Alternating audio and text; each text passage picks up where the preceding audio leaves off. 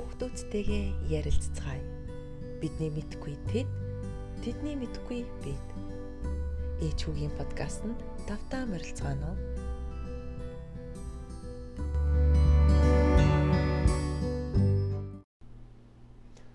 За сайн байцгаана уу. Ингээд ээж хүү хоёрын подкастны маань дараагийн дугаар эхэлж байна. Яг одоо Америкийн нэгдсэн улсын Сан Франциско хотод 8 сарын 28-ны өглөөний 11 цаг 45 минут болж байна.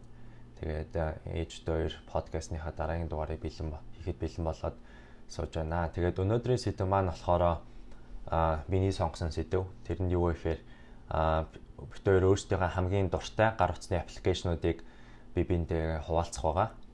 Тэгээд энэ сэдвийг сонгосон шалтгаан нь болохоор гол нь нөгөө арай хүмүүст өрөөгөөчтэй байх юм болоо гэж бодсон. Яагаад гэвэл одоо миний хэрэгэлдэг аппликейшнуудаас та нарын хэрэгжилж үзээгүй эсвэл эндээс сурах нэг ч ихсэн аппликейшн байх юм бол бас хүмүүс хэрэг болж магадгүй гэж бодсон. Тийм. Тийм. За сайн байцгаана уу? Аа та бүхэнтэйгээ дахин уулзч байгаадаа баяртай байна.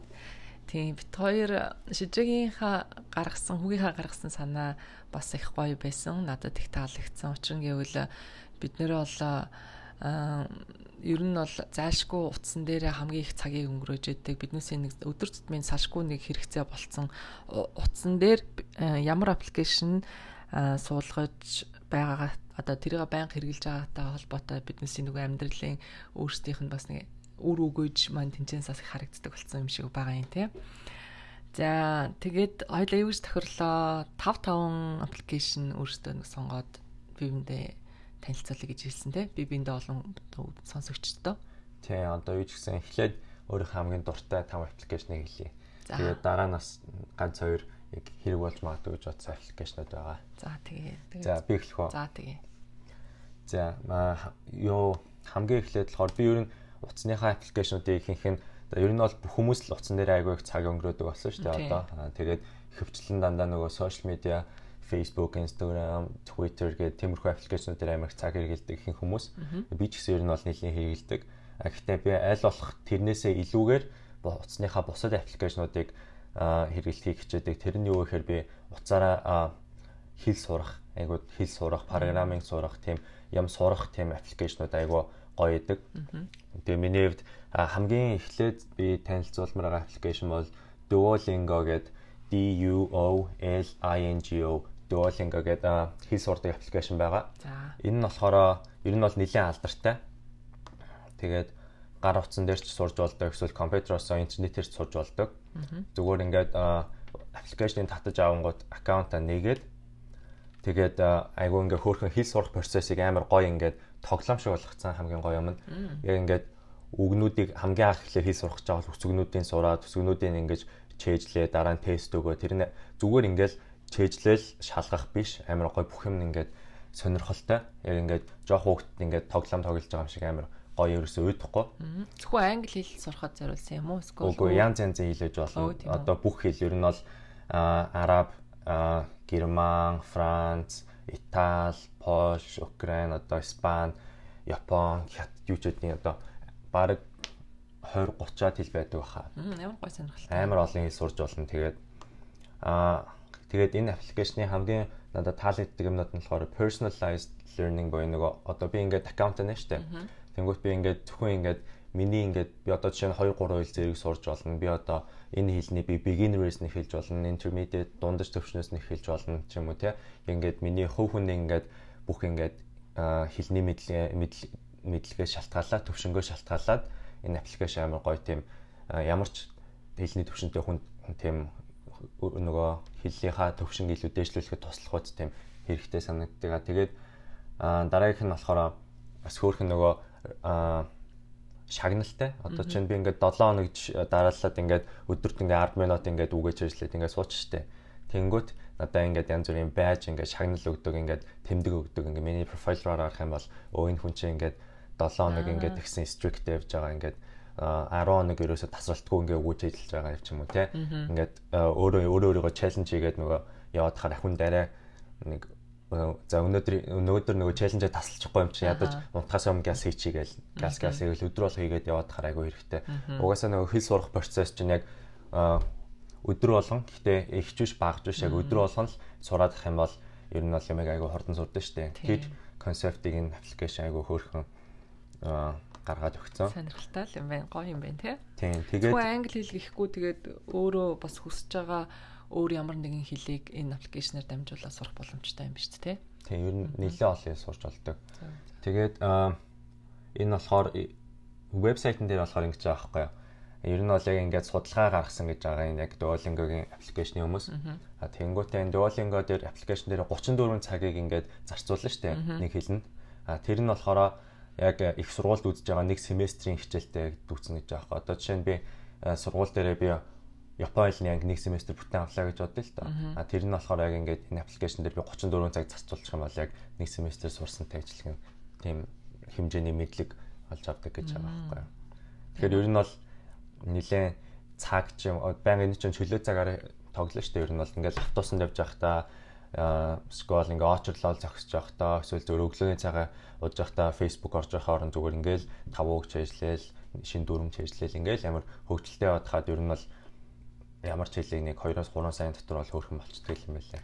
Хүмүүс хөвчлэн тийм ер нь нөгөө одоо тээврийн нийтийн тээврийн газар ч гэдэг юм уу? Ямар нэгэн юм хүлээгээ сууж байхдаа зүр уцруугаа ороод дими нэг юм тоглоомод байдаг штэ тий одоо янз янзын өнгө мөнгө нийлүүлдэг ч гэдэг юм уу юу ч гэдэг.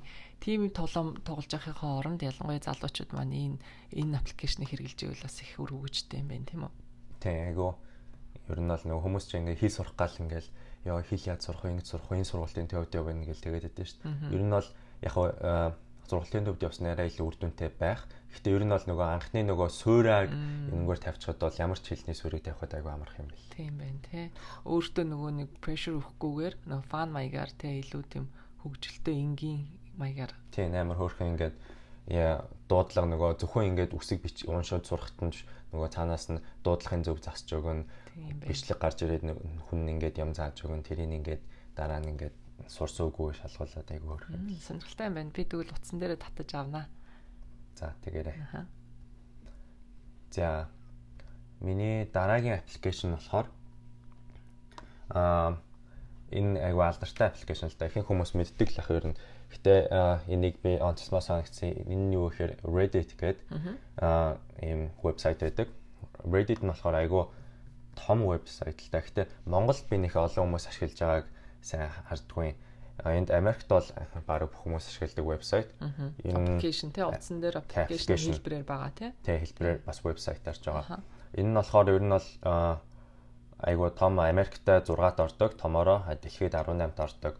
А яг энэ юу гэхээр Reddit гэхээр одоо ингээд ерөнхийдөө бол хүмүүсийн ингээд форум гэж болно. Одоо жишээ нь сагс сонирхдаг хүмүүс ингээд яг саксны форум дээр нь ингээ саксныхаа тухай ярилцаж болно. Юу ч ярилцаж болно. Нэг хүн асуулт асуу штэ. Тэр нь тэрэн доор нь ингээ хүмүүс хариулаад хариулаад ингээл тэрийг ингээл үргэлжлүүлээл ярилцаал гэж болдог. Аа тэгээд энэ Reddit-ын дотроо subreddit гэдэг ингээд олон аяга олон жижигхэн топикуудтай хэсгүүдтэй. Одоо ингээд би ингээд сакс хөлбөмбөг спорт тэнгуүтээ би ийм тоглоом сонирхож байгаа эсвэл би ийм орчин үеийн мэдээ өөрийнхөө эргэн тойронд болж байгаа юм ч юм уу те ингээ бүх юмнаас ингээ хоцрохгүй тийм байх боломжтой. Ер нь бол сошиал медиа Facebook бол сошиал медиа шүү дээ. Ингээ найзуудынхаа юу хийж гин мэдээ дээр харж болдог. Аа Twitter одоо ер нь бол энэ Reddit бол Twitter, Facebook одоо бүх сошиал медиа юмнуудыг баг зэрэг холцсон. Одоо бичлэгч орж болдог, зурагч орж болдог. Ингээд юмнууд бичээд хоорондоо ярилцаад дискас хийж болдог. Ингээд бүх юмнаа жоохон холигдсон. Тэгээд ер нь бол би бол яг хувьдаа бол янз бүрийн нөгөө э, сүүлийн үед гарсан мэдээнүүдээ бол Facebook, Instagram эдрээс илүү Reddit-ээс харчтیں۔ Айгу амар ягаад гэвэл амар нэг хүмүүс өөрийнхөө туршлагаас бичсэн байдаг. Тэгээд айгу хүмүүсийн experience-ийг харахад тийм айгу гоё вебсайт. Ер нь бол надад айгу таалагдтыг. Тийм сонирхолтой байна те. Ер нь мэдээний ийм нэгдсэн платформуд хэдийгээр олон байгаа ч гэсэн яг зөвийгөө өөрийгөө байнга хэрэгэлдэг хэрэгэлдэг өгөөчтэйг сонгож авах бас тийм ч бас хялбар биш шүү дээ тий. Тийм. Тэгээ нөгөө хүмүүсийн тренд хийж байгаа одоо сүүлийн үед new trend мод нь орж ийн гэдэг байдаг шүү дээ. Тиймэрхүү юмнууд бол Reddit дээр хамгийн түрүүнд гараад ирнэ. Тийм үү. Бас сонирхолтой юм байна.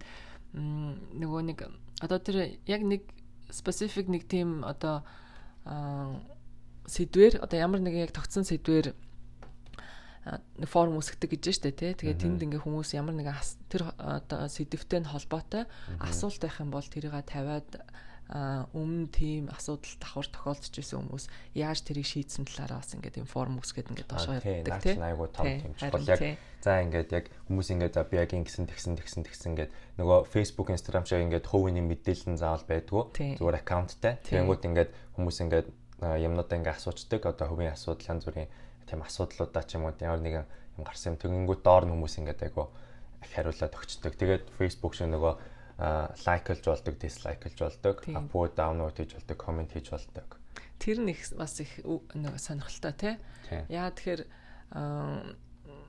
тэр асуудлыг ингээд ерөнхийд нь Google дээр ингээ харахаар бас тийм одоо тий нийтлэг бус тий жижиг одоо асуудлууд тэр групптэй холбоотой юм байх юм бол яг тэр лүгөө сонгож ороод ийм ийм юм болж байхад яаж шийдчихсэн яг энэ зөвхөн надад тохиолдож байна уу эсвэл ийм ийм та нар өмнө болж ирсэн үү гэдэг юм гэд тэр асуудлуудаараа нэгдээд хамтдаа шийдээ явж байгаанаас гоё санагцсан тий. Тий. За дараагийн аппликейшн юу вэ? Санийх дээр нэмж хэлэх юм байсан уу? Гүү ер нь бол тэгэл болоо. Хүмүүс ер нь хэрэглээ үзэх юм бол тэгээд шууд юм даа. Аа тэгээд гурав дахь нь болохоор түрүүн би хамгийн ихнийхээ нөгөө хэл сурах аппликейшн байсан шүү дээ.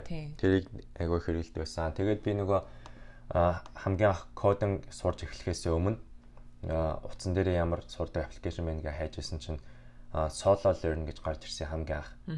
Solo learn гэдэг энэ болохоор намайг хамгийн анх эхэлж байхад ингээд тусдаа тусдаа зөвхөн өөр өөр programming language програмын хэлнүүд сурдаг одоо зөвхөн C++ сурах юм а solo learn C++ JavaScript өөр өөр хэлээрээ тусдаа байсан.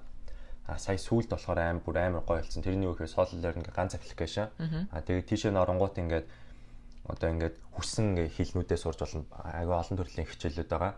Нөгөө кодинг сурах ч айгүй хэцүү шттэ. Заримдаа ингээд шал өөр өөр юм заагаад байдаг байхгүй юу. Одоо чинь өөр вебсайт руу ороод би Python хичээл авлаа гэж бодоход тэр хичээл нь арай хоцрогдсон технологи 3 4 жилийн өмнөх юм арч юм уу те.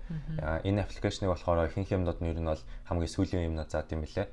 Тэр нь надаа ингээ хүмүүс ингээд би код сурмаа ихэнх хүмүүс л ер нь за би код бичиж ер нь сурнаа сурмаар байна гэж яриад идэв штэ. Код бичиж ер нь сурах хэрэгтэй гэж хүмүүс яриад.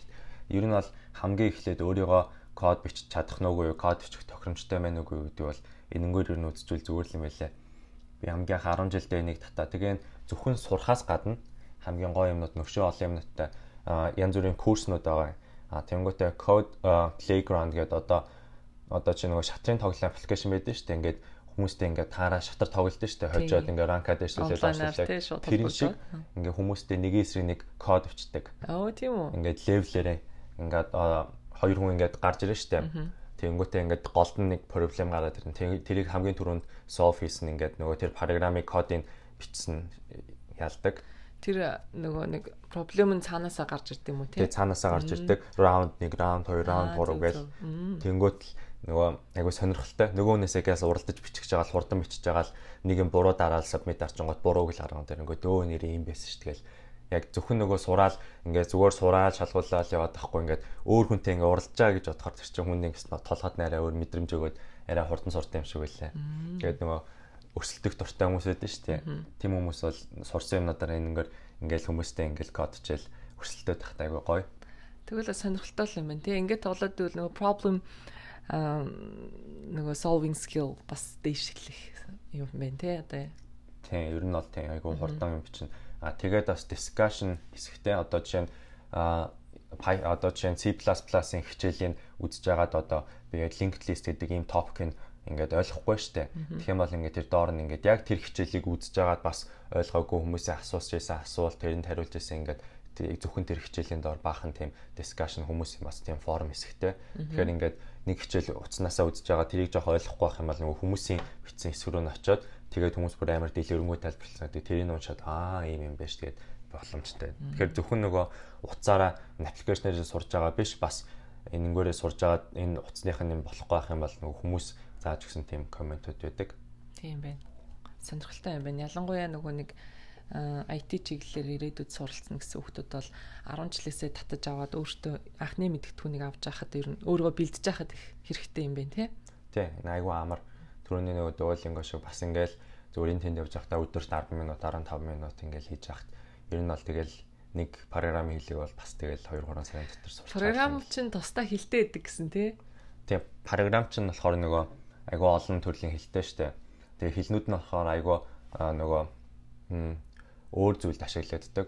Одоо жишээ нь C++ гэх юм бол хөвчлэн дандаа тоглоом янз бүрийн видео гейм тоглоом ихэд ашиглагддаг. Яагаад гэх юм бол нөгөө C++ нь ингээд компьютерийнхаа нөгөө memory тэр эдний илүү сайн ашигладаг.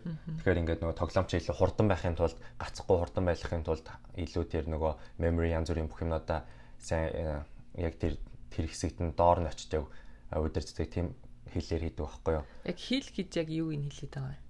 Хэлээ.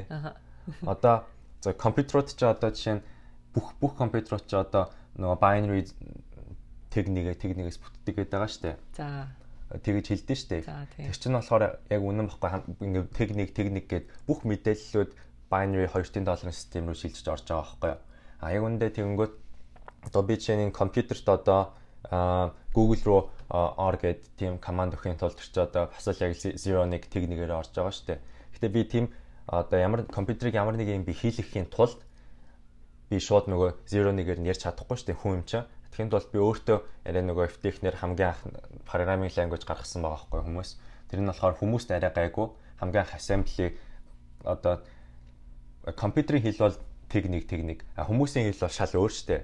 Хүмүүс компьютерийн хэлийг тэрийг ойлгодог хүмүүс амар цөөхөн. Тэгэхээр арай тэрийг гайгүй болгохын тулд програмын хэл голд нь гаргаж ирсэн байгаа байхгүй. Тэгэхээр нөгөө хүмүүс код одоо нэг нэг өөр бол юмыг кодлсон гэж хэлэхөө өөрөөсөө яг тэгэж бүх одоо ийм энийг энэ юмар тэмдэглэн ч гэдэм үү одоо ийм үйлдэлийг ийм юмар тэмдэглэн гэн хэл үүсгэсэн гэсэн үг үү те яг тиймэрхүү гэсэн үг. Одоо жишээ нь тийм яг командуудаар тэгэнгүүт би миний бичсэн код нь би нөгөө compile гээд кодоо ингээд идэвхжүүлэнгүүт тэр кодыг нь яг үнэндээ нөгөө компайлер нөгөө бичиж байгаа програм нь техник техник рүү хөрвүүлээд тэгээд компьютер тэрийг ойлгоод тэр юм хийдэг байхгүй юу. А тэгэхгүй шууд тэр бичсэн кодыг компьютер ойлгодог байхгүй юу. Кодыг нэхлээд заавал техник рүү хөрвүүлээд тэрийг л компьютер ойлгодог. А тэгэнгүүт нөгөө амар high level language, low level language гэж байгаа байхгүй юу. Low level нь болохоор одоо жишээ нь тэр low level код нь болохоор шууд binary руу хөрвүүлэгддэг. Тэгэхээр одоо нэг л шат амжиж байгаа үстэй. High level болохоор одоо чинь JavaScript гэдэргээд өөр тийм програмын хэлээ штэ. Тэр нь болохоор ингээд JavaScript-ийг би кодыг ингээд ингээд дуслаа бичээд дуусаад компьютерт ингээд enter дарах юм бол тэр нь JavaScript нь эхлээд C++ руу хөрвүүлнэ. Тэр нь тэгээ Java руу хөрвөө. Java нь болохоор техник рүү ингээд амар олон шат амжлаг дамжиж явахаар тэр чинь ингээд жоох удаан штэ. Тэгэхээр удаан. Тэгэхээр тэрнээс арай нөгөө өөр Тийм байна. Ер нь тэгээ хідэн төрлийн хэл гэж байдیں۔ Амар олон байгаа.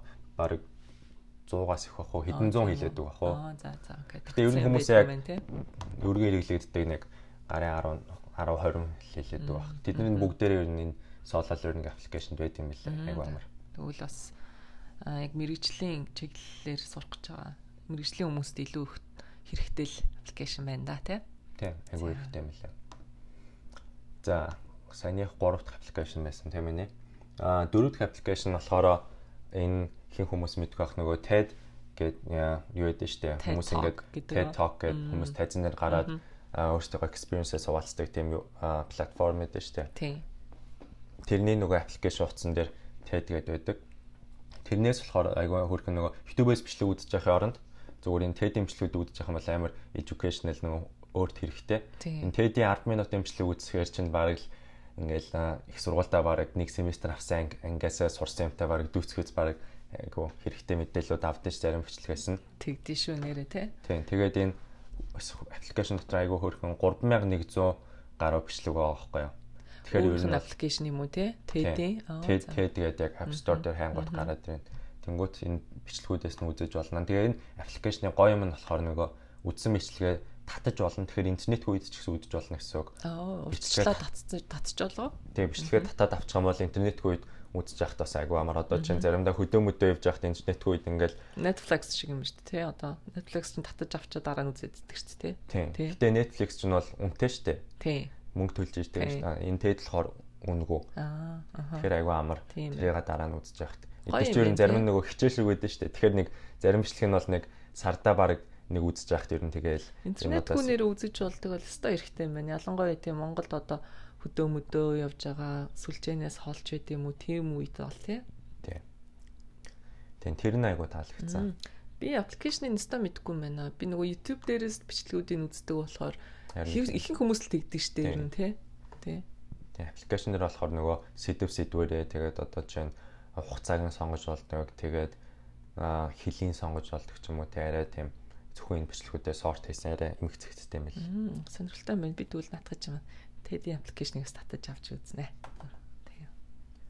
За 5 дугаар аппликейшн болохоор м 5 дугаар аппликейшн энэ болохоор тэгээ миний айгүй хэрэгэлдэг Audible гэдэг нөгөө бук сонсдог аппликейшн баггүй.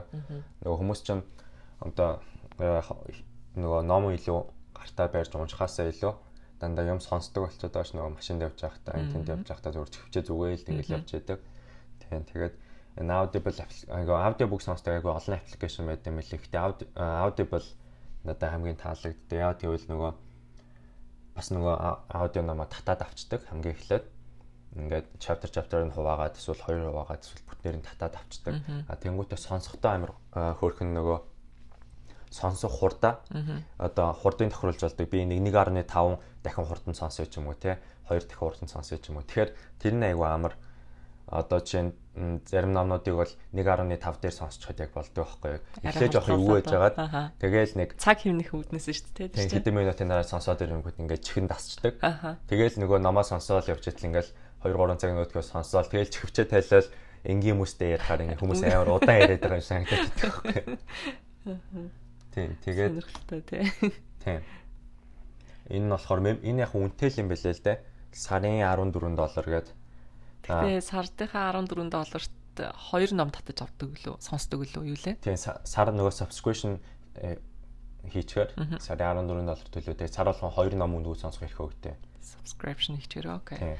Тэгэхээр нөгөө арай сар болгон хоёрыг сонсдог хүмүүст бол нэг юм байд юм лээ нөгөө а silver audible silver гэх тийм юу байд юм лээ subscription юу. Тэр нь болохоор амар эднэр юу? Нууц. Аа Audible ингээд зүгээр subscription болохоор зүгээр л нэг subscription тийм шиг харагддаг оронгууд. А тэнгуут яг үнэндээ орчоод нөгөө support руу н ороод би Audible Silver авъя гэх юм бол тэр нөгөө 2 сарда нэг удаа чаржилдаг. Тэгэхээр 2 сарда 2 ном сард нэг ном өгдөг тийм болдог. 2 2 сар аа за за. 2 сард чинь 14 доллар гэсэн үг юм уу те? Аа за за. Арай нөгөө сар болгон одоо хоёр ном сонсоод байхгүй сард нэг л ном сонсдог хүнд бол тэрэн дээр ч юм уу те. Тийм байна. Тэгээ ер нь энэ аппликейшнуудыг ер нь татаж авах та аа яг хамгийн яг чиний саяны хэлсэн дандаа нэг нуугдсан юмнууд өгдөг те. Хэрвээ ингээ сайн хууж ороод ингээ үзэх юм бол цаана өөр опшнууд өгдөг те. Маркетинг гэдэг. Тэгээ татаж авах үед хамгийн өөрсөндөө best гэдэг тэр бүх үнэ яг санал болгож идэг. Хүмүүс за тийм л зөвхөн үнэтэй юм болов гэж бодоод татаад авчдаг юм үндэ бол цаана сайн судлаад орвол хамаагүй хямдхан бас тийм боломжууд байдаг тий. Тийм. Тэгээ тийм болохоор нөгөө цаанаасаа нэг нөгөө advertisement хийгээ зарлаад байдгүй хүмүүс. Гэтэ тэргүй айгүй их хүмүүсийн зайшгүй нэг хэрэгцээ болсон юу болохоор тий. Бас нэг таалагдсан юм нь надаа юу вэ гэхээр ном руу ингээ орохоор нөгөө дандаа chapter chapter-аар нь хуваацсан мэт юм билээ тий сонсоход. Шууд одоо нэг номыг чинь За хэдэн цаг уншиж байна? Тэгээ дунджаар нэг 8-аас 10 хэдэн цаг л. Одоо аудио хэлбэрээр оролцсон байгаа тий. Тэнгүү чин тэр чин нэг үргэлжилсэн бичлэг биш. Яг тэр ном руугаа ингээд оронгууд chapter chapter-аар нь доош нь ингээд минут олгцсон тий ингээд нөгөө юм гарчигнуудтай олгцсон тий. Тэгээд тэднээс рүү нь яг ингээ ороод ороод сонгоод сонсохоор цаг хэмнэх юм шиг үлэрч тий тэр нэг айгуу гоё. А тэгээд нэг юм нас а нөгөө settings руу н орж агаад зүгээр чихвчээ залангуй шууд автоматар нөгөө өмнө нөгөө pause хэсгээс нь тоглолтог болгож болт юм байлээ. Заавал буцаа аппликейшн руу ороод нөгөө chapter руу ороод нөгөө тоглохгүй шууд чихвчээнгүү автоматар өөрчлөлттэй юм. Тэгээд нөгөө bookmark ингээл ин тэнд бас хийдэг scroll сонсож байхдаа ингээд дарчдаг те тэгээд тэр нь ингээд яг энэ хэсгийг илүү өөрийнхөө таалагдсан хэсэг ч гэдэм үү тийм юм дээр бас тэмдэг тавьчдаг те эргүүлээ тэрийг сөхөж дахиж сонсоход ч гэдэг юм уу тэмдэглэл болгож хөтлөхөд бас хэрэгтэй юм шиг санагдсан шүү дээ. Айгуу гоё олон фичертэй. Өөр бас нэг audiobook.com гэж бас байт юм л те. Нилээн их л байгаа л да. Зөндөө олон л байдаг. Арай том хоёр нь яг хоорондоо өрсөлддөг хоёр нь энэ хоёр юм шиг байна. Тэгээ юу хоёр? Тийм баг. Аа. За. Дараагийнх Ингээд Оо ингээд топ болцсон уу. За сонирхолтой хэрэгтэй олон гоё аппликейшнууд илүү нөгөө үр өгөөчтэй өөрийгөө хөгжүүлэх үүднээс хэрэгэлдэг гоё аппликейшнуудад танилцсанд баярлалаа. За одоо миний хэлж юу? Тийм танилцж. За. Ямар тав аппликейшн дуртай юм бэ? Аа уцаа үзлээ л дээ. Тэгээд зөндөө аппликейшн байна ер нь бол. Тэгсэн чинь тэр тунд хэрэглэхгүй ч зөндөө аппликейшн байна. Баян хэрэглэдэгч байна. Хаяа нэг хэрэглэдэгч байна. Тэгээд яг энэ одоо энэ талаар ярихын хажуугаар уцаа бас цэвэрлэх нэг боломж гарлаа л та. Ингээд өөрөөсөө хэрэглэхгүй байгаа аппликейшнууд утсан дээр бид нэр байлгаал шүү дээ тий. Тэгээд аюу олон юм болох тусам тэр чинь хүн хэрэглэхгүй. Тэгэхээр бас бодлоо ингээд цэвэрлж явах явцдаа ингээд бодгоо бид нар багсах тусам өөртөө нөгөө харахад амархан бас хэрэглэхэд нөхөн болох юм байна да гэж бодоод хэрэггүй гэсэн аппликейшнуудаа нэгдлээ устгалаа. Хүмүүс бас уцаа бас нэг тэгж харж цэвэрлүүлээс хэрэгтэй юм шиг санагдсан. За тэгээд эхлээд миний хамгийн хүмүүст одоо танилцуулахыг хүсэж байгаа хэрэгтэй гэж бодож байгаа аппликейшн болохоор Headspace гэдэг аппликейшн байгаа. За. Энэ болохоор нөгөө meditation буюу бясалгалын аппликейшн байгаа. Их сонирхолтой. Тэг айгүй энгийн. Ерөөсөө л 3 минутаас за 15 20 минутын хооронд бясалгал хийх хугацаагаа өөрөө сонгож эхэлдэг. Тэгээ огт ямар ч бясалгалын мэдлэггүй анхан шатны мэдлэггүй хүмүүст ингээд бүр хамгийн анхнаас нь энгийн хэлбэрээр ингээд заагаад өгчдөг. Тэгээ тэр дундаа юм хөөхөн хөөхөн 1 минутын юм жижигэн жижигэн юутай одоо бяцлаглын юм техникүүдийн талаар юм Google-дээр ингээ үзүүлсэн тийм хөрхэн видеотой. Тэр нь маш энгийн хүн захын хүн одоо ингээд хараад ямар ч анхан шатны мэдлэггүй хүн хүртэл хараад ойлгох бас боломжтой. Аа тэгээд ер нь өөрөө бяцлал гэдэг чинь тэр торхноос болцдог асуудал шүү дээ. Цаг хугацаа шаарддаг бас нөгөө өдөр болгоны давтамж бас хэрэгтэй баг баг минутаар ч гэсэн 3 минутаас эхлээд 5 минут хүртэл яваад ингээд өдөр болго ингээд шай оролдоод байх юм бол өөр дээр бас хөвшил болгох бас тийм боломжтой ийм зүйл байгаа. Тэгэхээр яг бясалгал ер нь хэрэгтэй юм уу гэд хүмүүс ингээд бясалгал гэхэл нэг л ийм хийсвэр нэг л юм өөртөөсөө хол юм шиг зарим хүмүүс боддог байхаа. Зүгээр бясалгал хийдэг хүмүүс бол яг ямар байдгийг нь бол мэддэг л хэл та би хувьдаа бол бодохдоо бясалгал гэдэг бол хүн өөрийнхөө тэ одоо энэ оюун ухаан бодлыг биетэйгээ хамт яг байлгах нэг тийм төвшөнд байлгах нэг дор барих тийм аргачлал одоо тийм тэрийг өөрөө хүн өөрөө удирдах тийм одоо хамгийн тийм төхөм одоо хэрэгтэй зүйл гэж би боддог.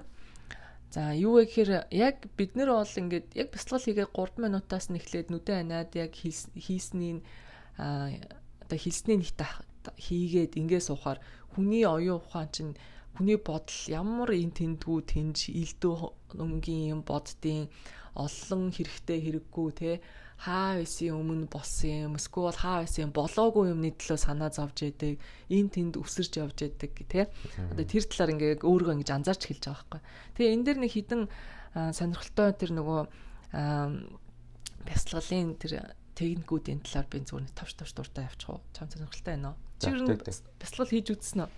Гү, өстой зөв шүү дээ. Тийм үү. Ер нь хийж үзье гэсэн тийм сонирхол төрж байна. Жохондоо нөгөө таныг хийж явах тажууд чинь нэг суугаад гэсэн. Тийм. 90 том болсноос хойш нэг тгийг бах те. Тийм. Ер нь одоо залуучууд ялангуяа бүр айгүй их битгийж өдөр болгон өглөөгөө бясалгал одоо энэ аппликейшнээр нэр дамжуулаад 5 10 минут ингээд бясалгал хийгээд өөрсөндөө сурахчих хэрэгтэй гэж би бодож байна. Тэгэхээр за за body scan эхний техник. Энэ яг юу вэ гэхээр зүгээр хүн гаднаас харахаар ингээл нүдэн анаал суугаад байгаа юм шиг санагддаг шүү дээ. Тэр чин тэгтээ зүгээр нүдэн анаа суугаад байгаа биш. Олон техникүүдийг өөртөө ингээд техникээр дамжуулаад бяцлаглыг хийж байгаа баггүй юу.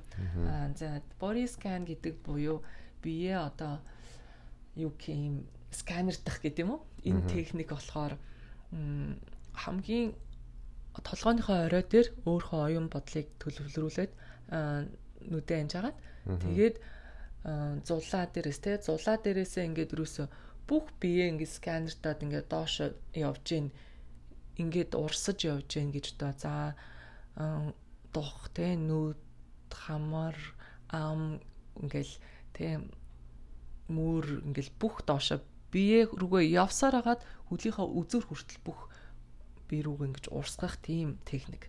Яг ингээ өөрийгөө бүх эд эсийг мэдрэх те хаана ямар юм одоо тэрэн дээр те мэдрэмж авч जैन ч гэдэм үү те ингэж нөгөө урсгах одоо тийм хэлбэр. Мэдээж ингээ бүх анхаарлаа тэрэн дээр төвлөрүүлчихээр чиний оюун ухаан бодол чинь өөр нэгэн газар явахгүй надаас ойлгомжтой те энэ нэг юм техник байгаа. А за дараагийн нэг техник нь болохоор анхаарлаа төвлөрүүлэх анхаарлаа ямар нэг юм дээр төвлөрүүлэх гэсэн тийм техник ба. Тэгэхээр одоо бид нар ингээл нүдэн анаал сунгууд бодол бол өстой эн тэнд би энд байгаад байдаг бодол бол эн тэнд өсчээл яваад байдаг яг тэрийг анзаарах анзаарвал ер нь а тэгэнгүүт чинь тэрийг ямар нэгэн зүйл дээр ингээд төвлөрүүл гэж байхгүй тэр бодлыг барихын тулд. За тэр нь юу вэ гэхээр бөөрнки юм уу дөрүүлжээ юм уу? За тэгэл ямар хэлбэртэй байх юм, том байх юм уу, жижиг байх юм уу гэж ямар нэг юм дээр төлрүүлэхээр хүн өөрийн нэг төсөөл гарч ирнэ дээ тий. Тэрийг ингээд төсөөлөхөө ингээд оролдоод идэг. Тэрэн дээр бас их ач холбогдол өгдөг. Тэхийн оронд нөгөө хамгийн сайхан гоё газраа өөртөө бий болгох. За одоо юу гэдэг нэх гой ногоон тал дээр цэцэгтэй ингээд сэл зүр салхитай ч гэдэм үү те нар ээгээл тэр донд нэх гой цэцэг ганц ингээл өндөр яасан нэг мод үеийн ч гэдэм үү юу гэдэг ингээд нэг өөрийнхөө тэр нөгөө нэг төсөөллийн тэр хамгийн гоё тийм газраа бий болгоод тэгээд тэрийг өөртөө ингээд суулгачих юм бол яг л буцаа тэр энэ техникийг хэрэглээгүүл яг тэр газраа ингээд очоод тэгээд ингээд сууж яах гээд яг нэг нэг яг тэр газраа тэр юм дээр анхаарлаа төвлөрүүлчих юм бол бас ингээд оюун санаа чи энэ тэнд ингээ өсөрч гүгээд байхгүй бас нэг юм техник байгаа.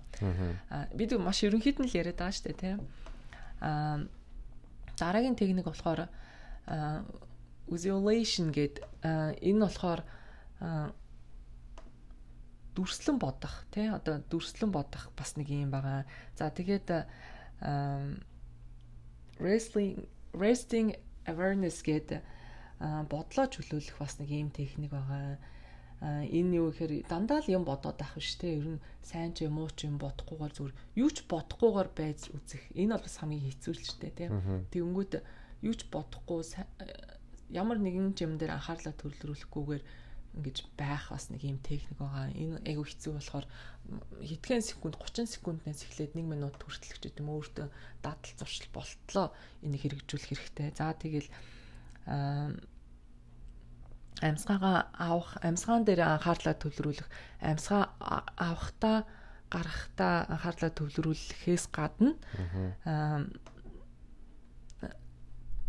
тэр одоо амьсгалаар дамжуулж бас нэг юм техник байгаа. А тэгтээ бас нэг өөр нэг техник нь болохоор бид нар ингээд нүдэ аниад байхдаа хамгийн сайн сайхан ямиг өөртөө ингэж тэрж тэ ингээд сайн сайхан юм байхад тэрэнд ингэж олон бодол дундаа сайхныг тэрж одоо муухайг нь өөртөө түлхэх ч гэдэм үү ингэж хөвчлэн бүх хүмүүс бясалгал хийдэг бол энэ нэг арга бол сайн сайхан бүхнийгаа ингэж твэрчээд ингэж явуулаад муухай санагдж байгаа тэр олон онцгой бодолч гэдэм үү олон тэр янз янзын одоо өөртөө таагүй сэтгэл төрүүлж байгаа юмнуудыг түлхэх биш харин твэрж аваад тэрийг сайхан юм болгож гэн гэж төсөөлөх ч гэдэм үү те тгийх тийм аргачлал байгаа. Гэх мэтчлээ.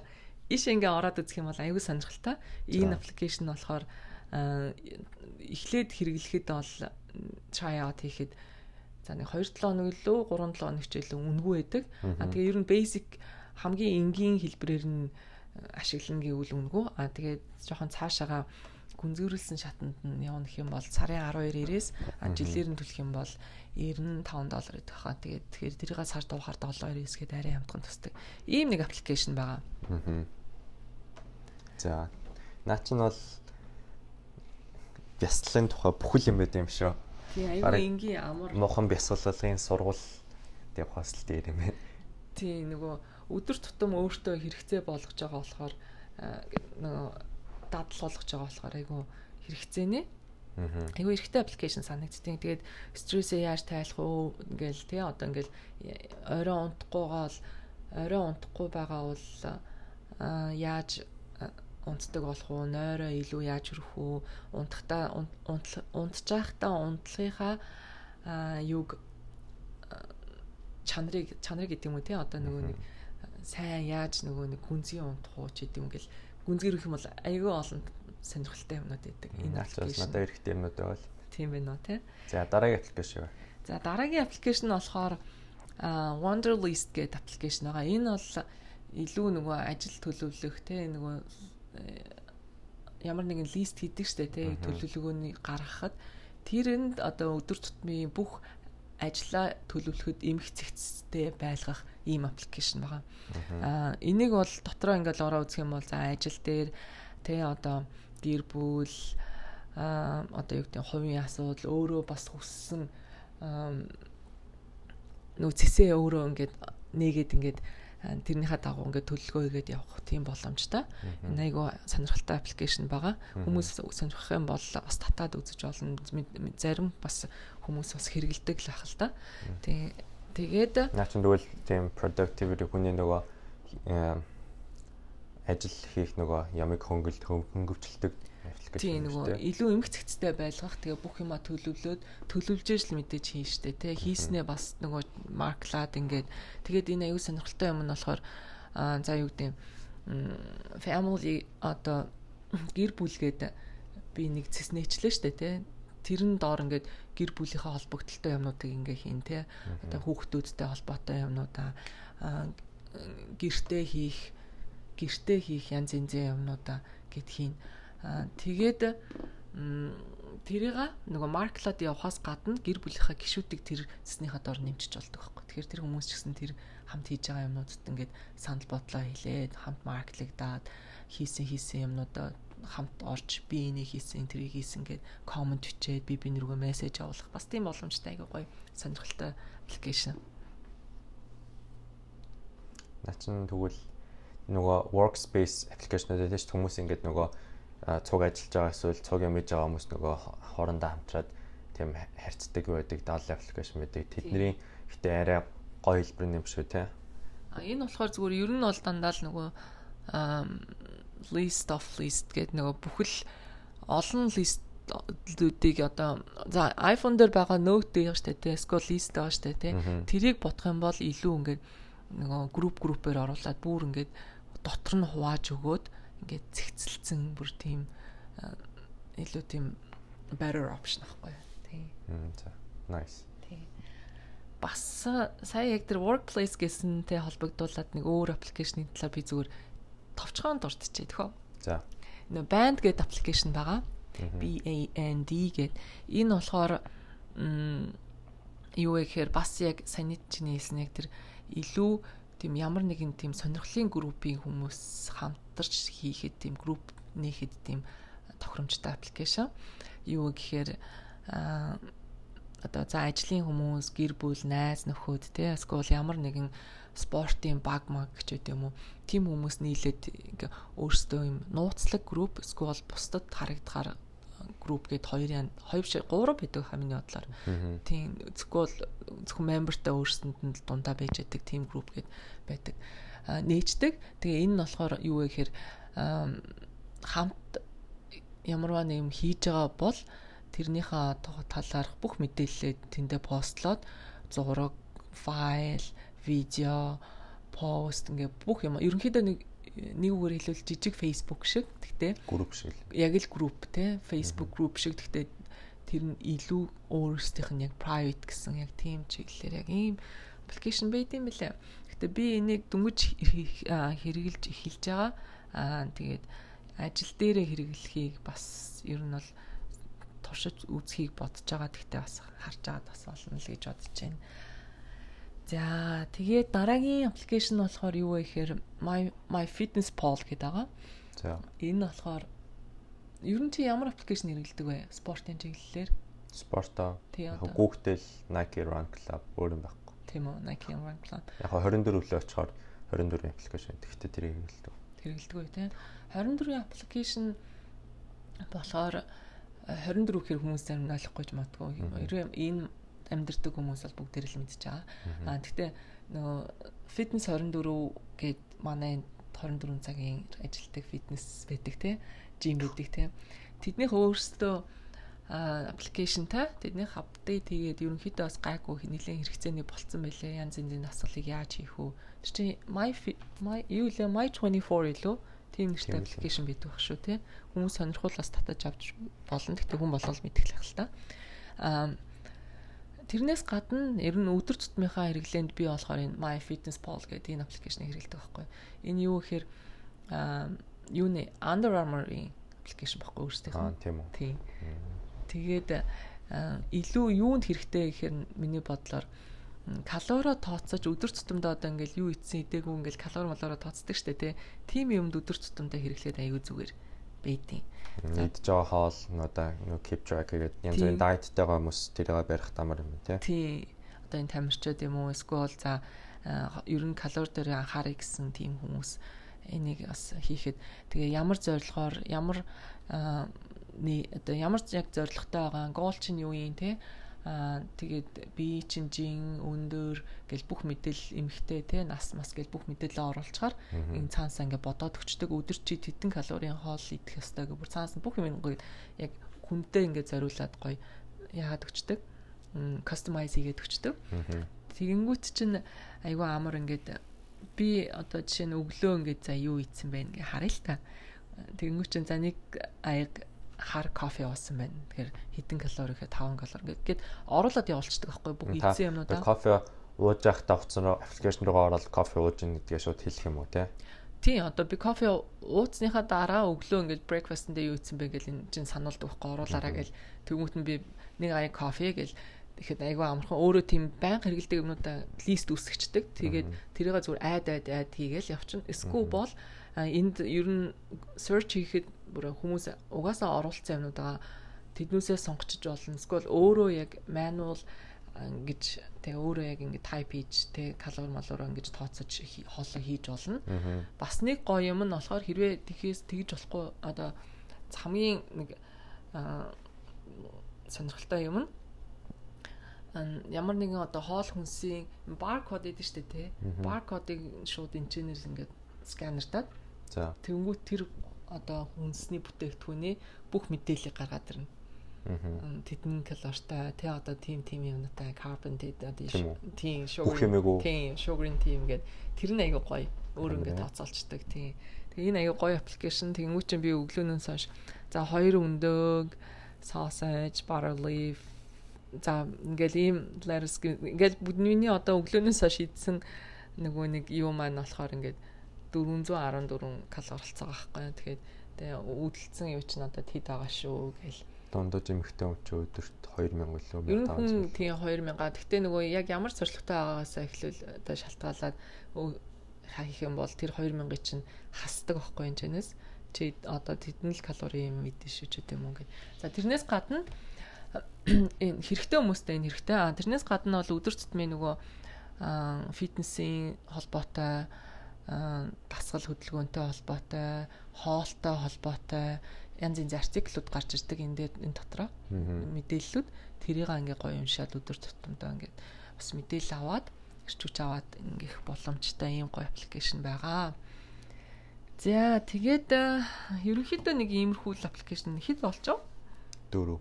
Дөрөв. Аа за одоо тэгэл дахиад нэг аппликейшн хэлчихэ. Аа бас нэг аппликейшн болохоор Momentum гэдэг аппликейшн байгаа. Энэ болохоор юу гэхээр өөртөө нөгөө дадал зуршлыг бий болгодог тийм аппликейшн. Айгуу гоё. Бас надад айгуу хэрэгтэй санагддаг. Юу гэхээр нөгөө дадал зуршил чинь бид хоёр өмнө ярьжсэн шүү дээ өмнөх дугаар дээр өдөр болгонд хийж давтжээж би би дээрээ нөгөө нэг тэрийг зуршил болгож хадгална гэж тий.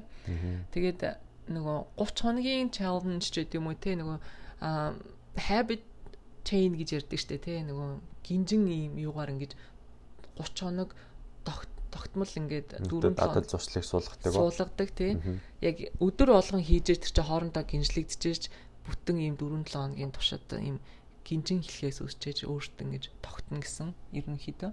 Аа тэр маягаар өөртөө за юу ч үдин те энгийн байж болно шүү дээ. Өглөөш тосч जैन ч гэдэм үү. гүүх, хоол идэх ямар нэгэн юмны практ одоо дадлага хийх те одоо хөгжимдаар сурах ч гэдэм үү юу ч гэдэм те тийм чиглэлээр яг тэрийг зорилгоо тавиад Тэгээд өдөр болгон хийснийхаа ингээ марклаад байвал энэ дээр аягүй гой харагддаг. Яг 30 хоногийн турш ингээ тэр чинь ингээ өдөр өдрөөр ингээ яваад идэх байхгүй. Тэгэхээр аягүй хэрэгтэй. Ийм аппликейшн байгаа. Аа хүмүүсээ сонирхол татаж авч олно. Тэгээд M O M E N T U M гэдэг ийм аппликейшн байгаа шүү. Momentum. Momentum яа. Тэгээд эн чин зааж байгаараа ер нь гэхдээ бүх аппликейшн чинь татаж авахд энэ үнэгүй аппликейшнуд байгаа. Ихэвчлэн үнэгүй тэгээд бүр цаашаага тэ одоо нөгөө цаашлан одоо илүү ихээр хэрэглэнэ гэх юм бол аппликейшн чинь тодорхой хэмжээ үнэгүй аппликейшн чинь үнэтэй болчихдээ шүү дээ тийм. Гэтэ заавал тэгэж үн төлж тэвлэхгүйгээр энгийн хэрэгцээнд бол баг хэрэглээл бах боломжтой тий. Энэ болохоор ингээд гурван дадал зуршлыг сард өөртөө хэрэгжүүлэх хүртэл тийм эрэхтэй үнгүй. Тэгээ цаашаагаа ол үн мөнгө төлнө. Гэтэ 3 бол хангалттай дээ тий. Тэр үнгүй. Тийм үнгүй хэрэглээд авах боломжтой тий. Тийм үгүй. Дадал чинь нугасаа. Окей, таны ингээд тав болцсноо. Тав болцсон. Гэтэ болцсон ч гэсэн би нэг хальт нэг аппликейшн зүгээр л амар сонирхолтой энгийн амьдрал дээр хэрэгтэй. Тийм аппликейшн хэлчихв. За Thatchers дандаа амар хэрэгтэй хэрэгтэй аппликейшнуудыг мэддэм шүү дээ. Би юусэн мэддэг юм. Тийм ээ нөө. За тэгээд нэг өөр нэг аппликейшн болохоор нөгөө Arrive гэдэг аппликейшн энэ нь болохоор нөгөө tracking аппликейшн байхгүй. За бид нэр ингээд аюу их онлайн шопинг хийдэг те. Олон төрлийн сайтаас олон төрлийн одоо дэлгүүрүүдээс интернетээс те юу яадаг янз янзын юм захиалцсан байдаг. За тэр нь хизээ ирж байгаа л энэ хизээ ирж байгаа л нөгөө явуулсан илгээмж юу лээд ирж байгаа. Пакэж ачаан ачаан тий. Одоо тэр нь хизээ өөрсдийн гэсэн дандаа тийм tracking тэг дугаартай байдаг.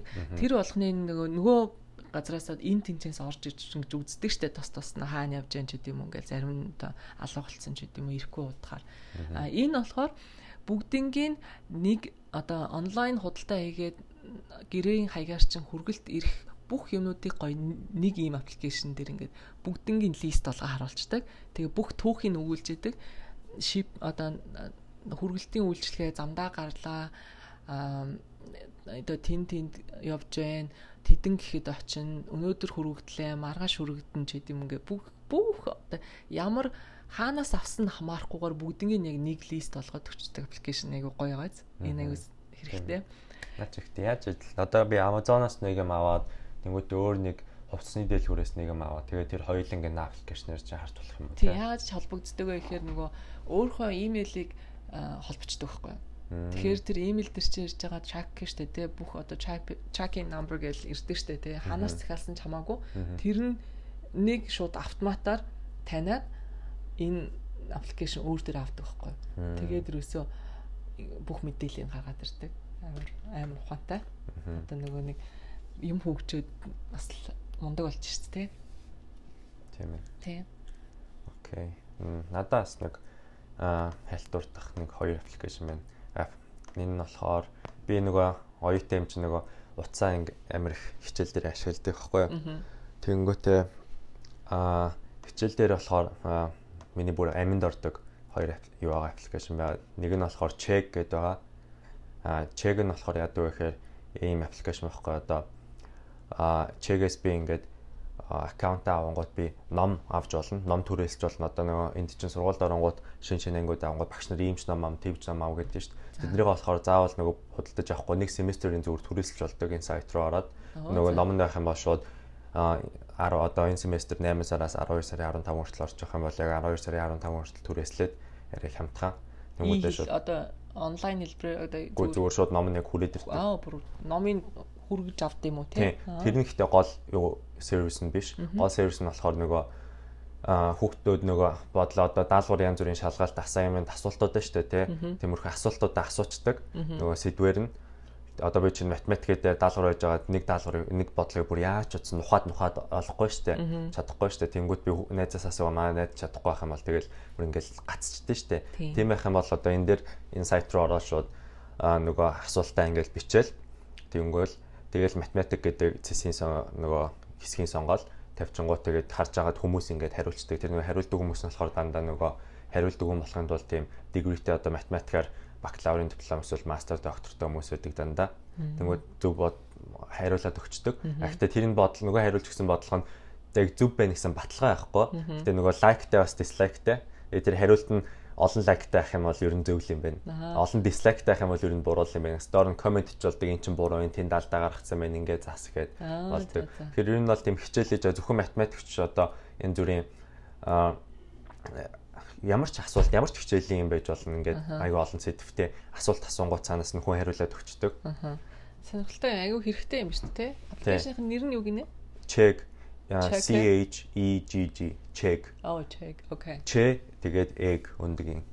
Check гэд энэ аюу хэрэгтэй. Энийг угаасаа семестр орохоор хичээл орохоор дандаа энийг энэ аюу амьд ордог байхгүй юу? Ер нь бол их хөвчлэн нөгөө багш нар ч дандаа л нийтлэгийн асуултаа асуудаг. Нөгөөт яг миний гацсан асуултыг би ингээ хайнгууд заавал ер нь хөвчлэн би заавал шинээр асуух албагүй миний тэр асуултыг өөр өмнө 2 3 жилийн өмнө эсвэл жилийн өмнө өөр хөлт асуусан хариулсан байж байгаа байхгүй. Тэгэхээр айгу амар өдөө.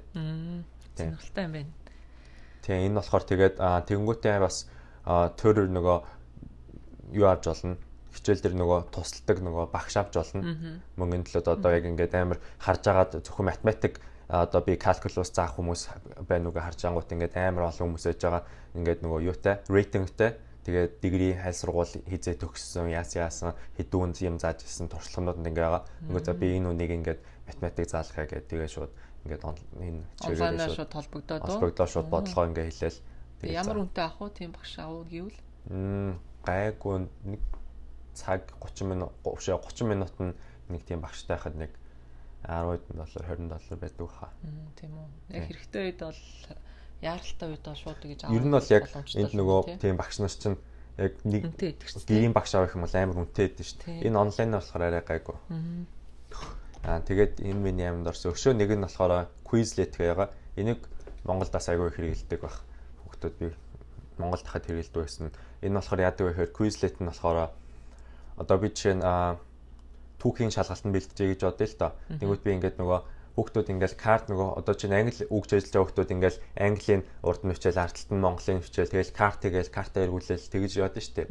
Яг тэрийг гэхдээ утсан дээр болгоц утсан дээрээ карт хийгээд урталт нь асуулт нь ардталт нь болохоор хариулт нэдэг карт хийгээд тэгэнгүүтээ тэр баахан картныхаа цуглуулгуудыг би ингээд за түүхийн хичээлийн 2 дугаар семестрийн юм юмны шалгалт гэдэг тэмдэглэждэг. Тэгээ хамгийн гоё юм нь болохоор тэр зөвхөн минийх биш. Бусад хүмүүс хэрглэж болно. Тэнгүүт би тэгээд хийчингүүт манай ангид өөр хүмүүс миний тэр картыг ашиглаад бас шалгалтандаа бэлдэж болно. Аа тийм үү. Тийм. Тэгээд бас ер нь ихэвчлэн бас өөрөө шинэ карт бэлтгэх нэг шаардлагагүй. Ер нь бол ямар ч шалгалтанд хичээл бэлдэжсэн яг тэр үдсэн сэдвчээ чинь холбоотой хүмүүсийн тийм гаргацсан багц тийм картны цуглуулгууд ер нь бол байдаг. Одоо жишээ нь ингээ ороод харах юм бол тригонометрийн нөгөө юунуудын функцуудын картнууд 32 карттай тийм цуглуулга байна. Одоо тэнгуут Америкийн түүхийн цуглуу ерөнхийлөгч нартай холбоотой фактуудын цуглуулга, биологийн psychology цуглуулга гэл ингээл хэсэг хэсгээрээ хичээл хичээлэр байдаг. Тэгэхээр айгүй амар хичээл хийхэд бол энэ хоёр бол ялцчих амьд ордог. Гэхдээ ер нь өөрөө бил хүний одоо бэлдсэн тийм карт хараад сурах одоо толгойд юм үлдэх өөрөө бэлдэж хийх хоёрын аль нь үлдэцтэй. Надад бол ялгаагүй л гол нь нөгөө асуулт асуулт тэгээд асуултын нь хариулт нь юм болохоор тэгээ угаасаа. Яг цаг юмд ер нь бол. Зүгээр ингээд нөгөө заавал тэгэхгүй бол гэртээ ингээд суугаал карт гаргаал бичээл эргүүлээл бичээл картнуудаа гаргаал нөгөө картаа эргүүлээл ингээд давтаа яхав тэгэж тэгдэг л байсан л да. Тэгээ надад бол яг яхав тэрнээс л зөвхөн утсан дээрээ зүгээр ингээд биччихээд Тэнгүү зүгээр уцаараа ингээл карт гарч ирэнгүүт ингээл дээр нь дарангуут хариулт нь гарч ирдэг. Дарахаас өмнө би дотроо хариулт нь явах гэж бодоод дарангуут зүв байх юм бол дараах л бол. Тэгэл арай амар амар олон цаас мас тэгэж байж байгаа хгүй. Тийм байх хэрэгтэй юм байна те хичээлтэй.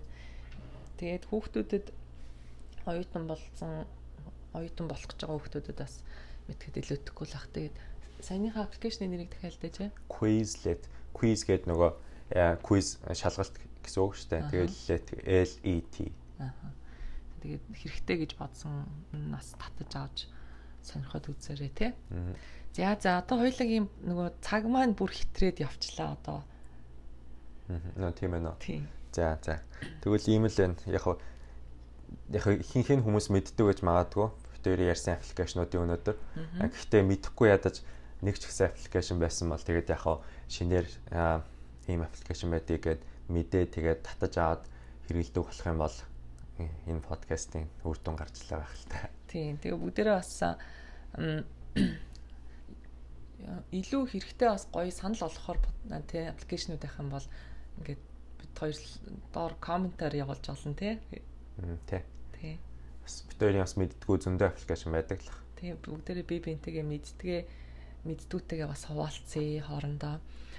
Аа бас нэг хэлэх юм бит хоёрын одоо ээж хүүгийн подкаст маань болохоор Apple подкастн дээр тавигдж байгаа. Тэгэхээр та бүхэн Apple подкастн дээр бит хоёрын одоо channel дээр subscribe хийх юм бол бит хоёрын дараа дараагийн бичлэгүүдийг алгасгүй бас сонсох боломжтой болно шүү гэж хэлмээр байна. За ингээд энэ удаагийн дугаарыг маань хүлээн авч сонссон та бүхэндээ баярлалаа. Дараагийнхаа дугаараар дахин уулзтлаа. Баяртай. За баяртай. За баяртай. Thank you